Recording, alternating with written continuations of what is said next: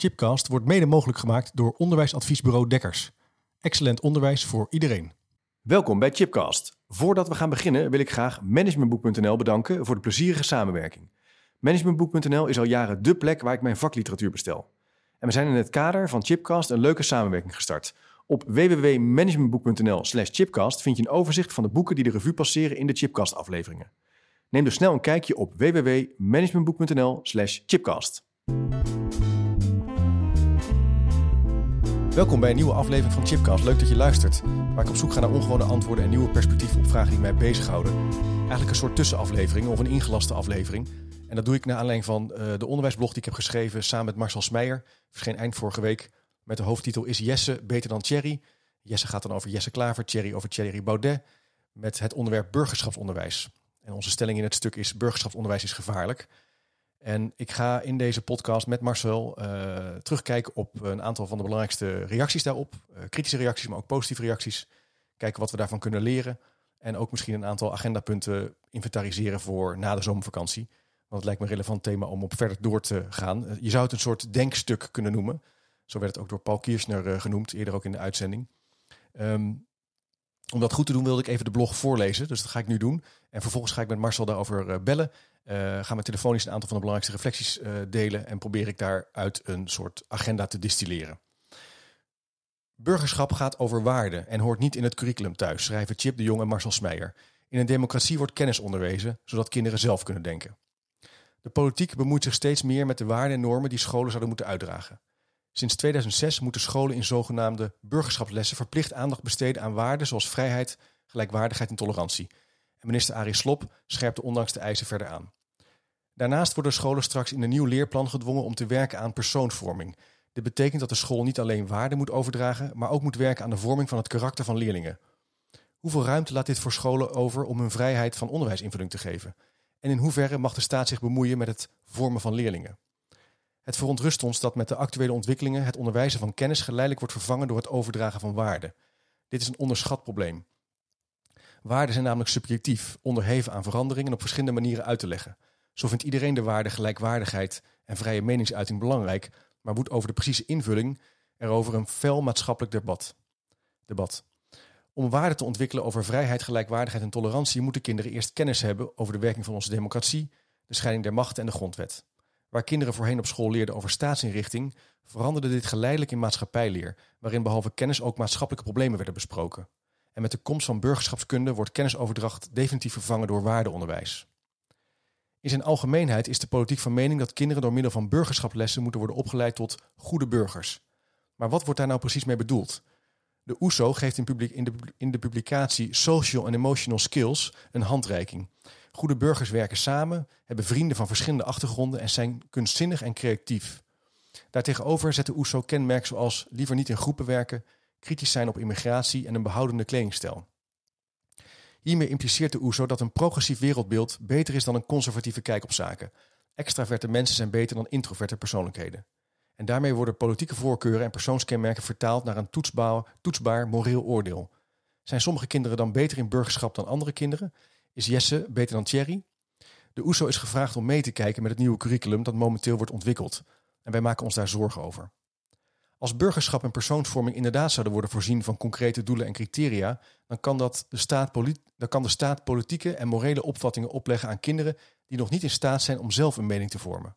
Nog zorgelijker is dat hun persoonlijkheid en gedachten hiermee worden gevormd en gestuurd. En dat moeten we voorkomen. In een democratie wordt op school kennis onderwezen, zodat kinderen zelf kunnen denken. Geschiedenis, aardrijkskunde en staatsinrichting beschrijven de wereld. En burgerschap beschrijft daarentegen de burger, de mens, het kind. En dat past in een dictatuur die voorschrijft wat de burgers moeten denken en niet in een parlementaire democratie.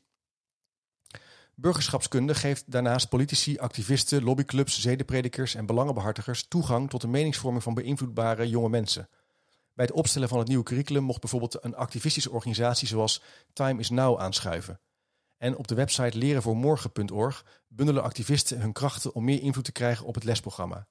Zelfs wanneer je het eens bent met de doelen die de genoemde organisaties nastreven, kun je je afvragen hoe wenselijk deze invloed is. Onderwijssocioloog Frank Furedi is in zijn boek De terugkeer van het gezag kritisch over, opkomst van, over de opkomst van burgerschap als nieuw leergebied op scholen. Als onderwijs wordt gebruikt voor het oplossen van maatschappelijke problemen, dan leidt dit volgens hem tot politisering van het curriculum. Als pedagogiek en politiek worden samengevoegd, dan spreken we niet meer over opvoeding, maar van staatsopvoeding of zelfs van indoctrinatie. Natuurlijk kunnen scholen vanuit hun pedagogische opvatting zelf keuzes maken in hoe ze de les inrichten en hoe ze omgaan met bijvoorbeeld sociale diversiteit of pestgedrag. Maar dit wat ons betreft vooral een vraagstuk voor de leerkrachten en schoolleiders. Opvoeding is altijd een prachtig pedagogisch bijproduct geweest van goed lesgeven, maar het moet niet worden gevangen in de doelen van een curriculum.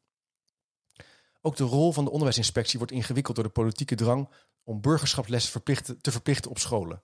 Inspecteurs krijgen harde woorden over zich heen als ze zich uitspreken over morele en principiële opvattingen van de scholen die ze moeten beoordelen. En wellicht ook wel terecht als de overheid via inspecteurs controleert of scholen aan burgerschapsonderwijs op de juiste wijze invulling geven, dan komen de vrijheid van meningsuiting en vrijheid van onderwijs onder druk te staan. Burgerschap hoort niet in het curriculum thuis. Leer kinderen op school over staatsinrichting, de werking van onze democratie en de scheiding der machten. Met deze kennis kunnen ze zelf een mening vormen over allerlei ethische en morele vraagstukken die ze als volwassenen gaan tegenkomen in onze samenleving. En natuurlijk is het belangrijk om als klas met elkaar in debat te gaan over spannende maatschappelijke thema's of op werkbezoek te gaan naar een VOC-schip of het Anne Frankhuis. Het zijn betekenisvolle ervaringen, mits de kinderen ook daadwerkelijk de kennis krijgen, aangereikt krijgen om zich hierover een mening te vormen. Het onderwijzen van waarden in burgerschapslessen is in onze ogen echter een vorm van gedragsmanipulatie.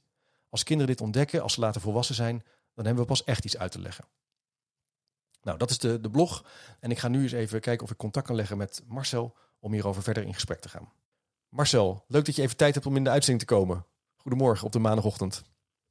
Ja, leuk, dankjewel. Ja, naar alleen van ons stuk, hè, de burgerschapsonderwijs is gevaarlijk, verscheen uh, op de website van NRC, de onderwijsblog, uh, waarin wij, uh, ik heb hem net even voorgelezen voor degene die hem niet heeft kunnen lezen, een kritische reflectie uh, pogen, te, pogen te doen op het idee van burgerschapsonderwijs. Um, heeft veel opgeleverd hè, de afgelopen dagen. Het is best wel veel op gereageerd. Ja, mooi dat veel mensen daar ook over meedenken, want het is wel een belangrijk onderwerp wat en het curriculum terechtkomt. Dus het is goed dat we daar met elkaar een mening over vormen. Ja, zeker. Ja, dat denk ik ook. Ja. En, uh, wat is nou voor jou de essentie van dat burgerschapsonderwijs? Als je daar nou zo naar, naar kijkt, als, als onderwijskundige, als, ook als docent, als leerkracht? Ja, als docent-leerkracht, ik sta op het moment niet voor de klas. Maar als ik in de toekomst weer voor de klas sta, ja. dan is het wel een van de dingen die ik ook in de klas moet uitvoeren. Ja. En wat, ja, het is gewoon onduidelijk, wat is het eigenlijk? Dat, dat is het meeste van bijgebleven. En dat maakt ook dat de discussies die uh, mensen erover voeren ook onduidelijk zijn. Want wat is eigenlijk burgerschapskunde? Wat wordt er van ons verwacht? Dat vind ik niet heel duidelijk. Nee. Nee, het is best ingewikkeld. Hè? ene, er zit natuurlijk een nobel streven achter. Je wil natuurlijk dat, dat alle volwassenen of alle kinderen zich ontplooien en ontwikkelen als actieve burger. Uh, Dat ze meedoen met, uh, met sociale vraagstukken, dat ze, daar kan je moeilijk tegen zijn. Dat is iets wat, wat, wat nou ja, hoewel je daar natuurlijk wel van kan afvragen of we dat ook moeten opleggen aan kinderen. Ja, dat is dus het, uh, het vraagstuk. Ik denk dat dat soort dingen altijd in scholen zijn besproken. Ja. Sterker nog, zijn er scholen opgericht die bepaalde waarden en dat soort zaken juist bespreekbaar wilden maken, dat ze dat misten. Ja. Maar het is iets anders dan dat de overheid dat ook via een curriculum probeert in de scholen te krijgen. Ja. Ja, dan, dat, dus dat is het verschil. Je zou kunnen zeggen, elke school heeft zijn eigen ruimte om een keuze te maken en wat voor waarden je over wil dragen. Het burgerschap gaat eigenlijk over het vanuit de politiek of landelijk vastleggen wat dan een goede burger is. En daar eigenlijk ook uh, normen of criteria voor vastleggen. En daarvan zeggen wij, ja, dat, dat is toch een gevaarlijke beweging. Ja, want uh, we hebben natuurlijk vrijheid van onderwijs in Nederland. En er zijn scholen die dat vanuit bepaalde waarden hun onderwijs uh, vormgeven. Ja. Religieuze waarden kunnen dat zijn. Maar ook op onderwijskundige grondslag of op levensvisie. Ik kom op heel veel van die scholen. Ik kom op islamitische, ja. gereformeerde, vrije scholen. En die hebben allemaal daar hele duidelijke waarden over. Dus ik denk dat dat wel een van de misvattingen is geweest van ons stuk. Dat mensen denken dat er nog geen waarden worden onderwezen. Nee. Maar ik denk dat het belangrijk is dat de waarden worden onderwezen op school. Maar dat het gebeurt vanuit de school en de ouders die een school daarop uitkiezen. En niet dat er alle scholen een bepaalde waardeset meekrijgen. Nee. Nee, dat is, dus, dat is dus een belangrijk punt. Uh, het is niet zo dat wij denken dat kennisoverdracht als het ware in een soort uh, robotachtige sfeer moet plaatsvinden, zonder dat je mag vertellen wat je er zelf bij voelt of vindt. De kennisoverdracht, daar zit altijd een element van waarde bij. Dat is, eh, de ene leerkracht doet ook wat anders dan een andere docent op een MBO-opleiding of op een VO of een PO, maar wij zeggen eigenlijk dat hoort erbij, maar ga dat niet vastleggen op, landelijk, op een landelijk niveau. Wat dat dan moet zijn. Dat is, ja. ja, en dat gesprek moet ook zeker plaatsvinden. Uh, Martin Bootsma in zijn reactie vond ik, daar, vond ik dat heel mooi. Ja. Uh, hij zei van uh, alleen kennis, dat, dat kan niet. Je moet daar ook over in gesprek gaan. Ik denk dat dat zeker, zeker zo is. Ja. Nee, dat, zou ik, daar ben ik helemaal met je eens. daar kan je het over in, dat vond ik ook interessant over, over zijn blog. Hij zei ook, ja, kritische punt van waarom komen de schrijvers er nu mee? Want het is al heel lang gaande. Eerder heeft het CDA ook al het woord actief toegevoegd aan burgerschap. Dus het is misschien, eh, wat mij betreft, leerde ik wel van zijn blog dat dit al langer gaande is dan, we, dan wij eigenlijk misschien wel dachten. Het is een beweging die eigenlijk al 10, 15 jaar geleden is gemaakt, waarin we langzamerhand meer ons zijn gericht op waarde en op het idee van uh, uh, ook wel opvoeden in zekere zin en minder op kennisoverdracht. Dus ook wel het idee van kennis is een beetje ouderwets, want daar red je het niet meer mee in deze tijd. Ja, dat is wel mooi ook. Dat, voor ons was het ook een denkstuk. Hè? Wij We hebben gedacht van wat vinden we daar nou eigenlijk van? we zijn ons daarin gaan verdiepen. Ja. En ook eens geprobeerd hebben we het om op te schrijven, wat we daar dan over vinden. Want ja, je kunt er gewoon even kort over nadenken en verder gaan en denken, ja, het is er. het is wel een heel wezenlijk iets, dit, uh, dit burgerschapskunde. Ook hoe, hoe het invulling krijgt. Ja. En mooi ook dat Martin dat aanvulde. Zeker, ik, ja. Ehm, ik zag ook nog uh, in een reactie van Jan uh, Kuitenbrouwer... Ja. dat hij in 2016 daarover geschreven heeft. En hij beschreef toen dat het onderwijs 2032 um, toen werd ontwikkeld. En hij zei van ja, daarin uh, ging, ging men van, van meetbaar naar merkbaar in het onderwijs. Hè? Dus ook wat jij zegt, steeds uh, minder kennis. Ja. Later kreeg je natuurlijk van Snabel het vaardig, waardig, aardig verhaal. En eigenlijk zie je dat nou nog steeds in de nieuwe plannen van Curriculum.nu. Waar Gert Bies daar de grond uh, slag voor heeft gelegd. Dan zie je kwalificatie, socialisatie en subjectificatie. Ja. dat is weer die persoonsvorming. En wat dan wel weer onder dat curriculum ligt. En dat is wel iets waar we met elkaar over moeten hebben. Ja. En waar Martin Bootsma er eerder nog ook heel uitgesproken over was. Een ideologische set uh, ten grondslag aan het curriculum. Daar moeten we het over hebben met elkaar. Willen we dat? Ja. ja een eerdere blog heeft hij dat ook, heeft hij dat ook genoemd, ja. Ja, dat, wat ik hier wel moeilijk aan vind aan, aan, aan, aan die grote onderwijsvernieuwingen. Bram Eidhoff die attendeerde ons daar ook op van dat het woord persoonsvorming, persoonsvorming geschrapt is door de Tweede Kamer. Ja. Eh, nou, dat is terecht, terecht, terecht punt wat hij daar maakt. Maar wat ik er lastig aan vind, in eerdere stukken wordt het dan wel genoemd. Dus als we terug in de tijd gaan, gaat het daar wel hele lange tijd over. En een ander punt is dat het is heel wollig. Dus het is heel veel taal om, om dit thema heen. Zonder te noemen waar het over gaat, voel je wel dat het gaat over iets van vorming. Wat we dan gaan vastleggen. En elke keer als je het wil vastpakken, dan verandert het weer. En dat, dat vind ik ook heel complex eraan. Dat, dat maakt ook een, daar word je ook een beetje moe van op een gegeven moment. Wat bedoelen we nou eigenlijk? Ja, en dat, dat moeten we juist wel helder hebben. Wat bedoelen we? Dat moeten we niet vaag laten. Want anders gaan er mensen mee, mee op de loop. En, ja, ja. Ook dat hebben we wel in de, niet in de reacties gezien. Maar we hebben wel gezien dat een hoogleraar bij de UvA, Johanna da Silveira Duarte, ja. dat die uh, een, um, een leerstoel heeft waarin het heeft over wereldburgerschap. Dus dan wordt het burgerschap meteen afgetaald naar ja. een globalistische opvatting. Ja. En, uh, en ook zegt van ja, kennisoverdracht is niet meer van deze tijd. Dat moeten we vervangen door onderzoekend leren. Ja. Dus het, is, uh, het hangt met veel meer samen ja. dan. Uh, dus de kennis verdwijnt uit het curriculum en wordt vervangen door ja, social engineering, zou Frank Furedi zeggen. Dus ja. het uh, beïnvloeden van het gedrag van, van, van kinderen en mensen. Ja, en ook, dus, dus ook wel wat je net even zo zegt van. Laten we het even tot ons doordringen. Kennis doet er niet meer toe. Het gaat over ontdekkend leren. Dus dat vind ik ook een hele vreemde redenering. Los dat je natuurlijk wel mag zeggen als hoogleraar... ik vind wereld, wereldburgerschap interessant. Ik wil dat bestuderen. Hartstikke goed, vooral doen. Ja, maar als je op het PO dit soort dingen... of het VO dit soort dingen gaat zeggen... dan zeg je eigenlijk ook... nou ja, Nederlands doet er minder toe. Engels is belangrijker.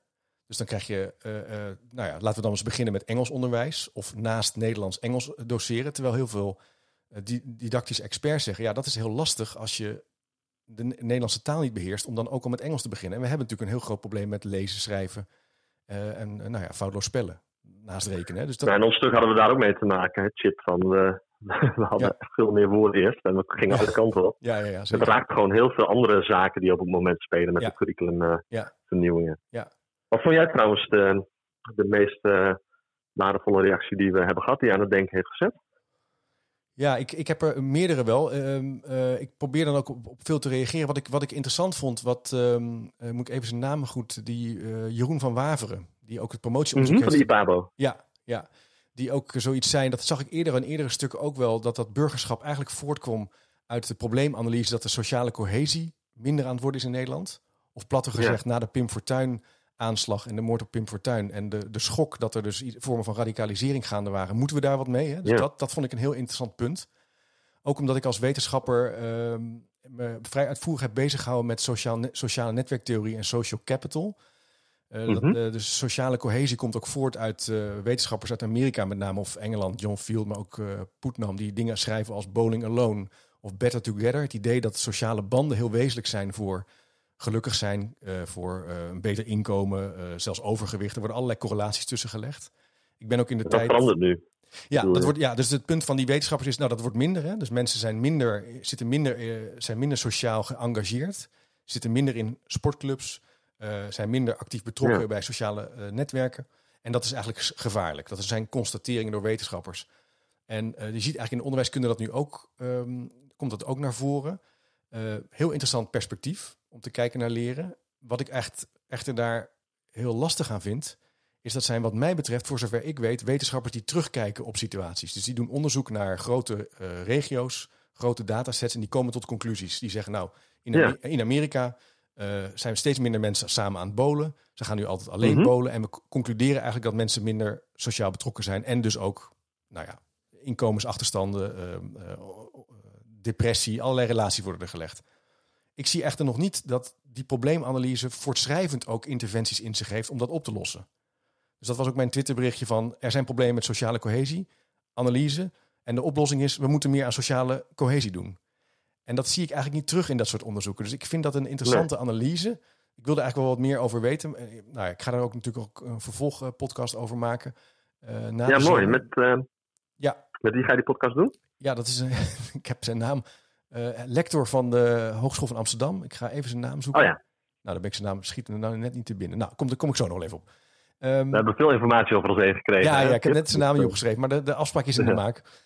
Nou Mooi. ja, dat, dat vind ik een interessant punt. Sociale cohesie. En maar ook, de, kan je Ja. dan, zijn er dan ook... Oh, Hessel Nieuwelink heet hij. Ja, zo heet hij. Hessel Nieuwelink van de Hogeschool van Amsterdam. Dus met hem ga ik dit vervolggesprek zeker voeren. Maar het punt wat ik hierbij wil maken is... Nou, terugkijkend kan je die conclusie trekken. Maar zijn er dan ook interventies waarvan we weten dat het werkt?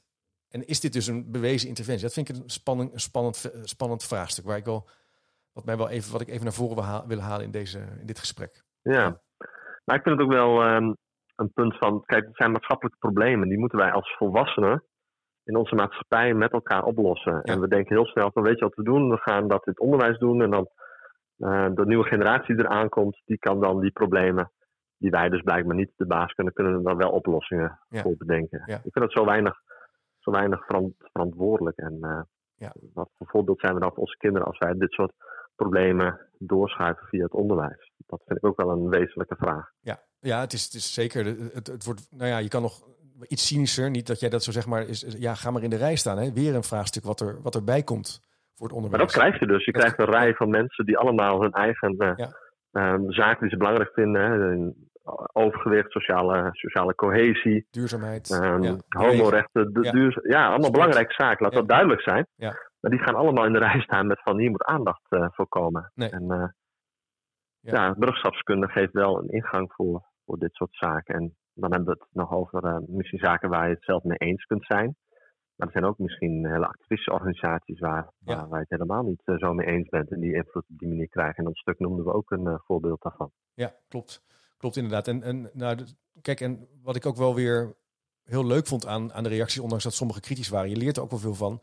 Wat ik net even zei, er waren ook een aantal eh, eh, docenten of leerkrachten die zeggen, ja, maar we doen ook al hele goede dingen binnen de vakken, binnen geschiedenis, eh, binnen aardrijkskunde. We voeren debatten, we voeren dialoog, eh, sessies. Er zijn scholen waar gewoon prachtige dingen gebeuren. Dus je hoeft niet meteen, en dat is ook burgerschap, zou je kunnen zeggen. Als je kan me eens zijn of niet. Dus binnen het huidige spectrum van onderwijs worden er ook hele goede dingen gedaan om met elkaar in gesprek te gaan over contrasterende opvattingen.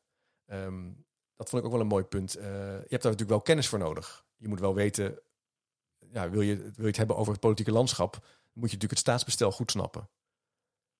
en er waren echt een aantal mensen die zeiden, ja, dat doen wij ook al wel. En dat kunnen we ook gewoon goed blijven behouden als je, behouden als je het hebt over bijvoorbeeld maatschappijleer. Ja. Ja, ja. ja dat soort kinderen. En wanneer kunnen kinderen goed nadenken over zaken? En daar moeten ze inderdaad een flinke dosis kennis voor hebben. Misschien moeten ze ook wat ouder zijn, zodat ze daar goed verbindingen in kunnen leggen. Ja. En uiteindelijk ook een, een, een, politieke of religieuze opvatting kunnen ontwikkelen op basis van alles wat ze hebben geleerd. En ja, leerlingen die naar een gereformeerde school gaan, zullen andere waarden daarin meekrijgen dan leerlingen die naar een openbare school gaan, of een vrije school of een Montessori school. En dat is nou zo mooi juist, dat, wat jij zegt, het is er al. Ja.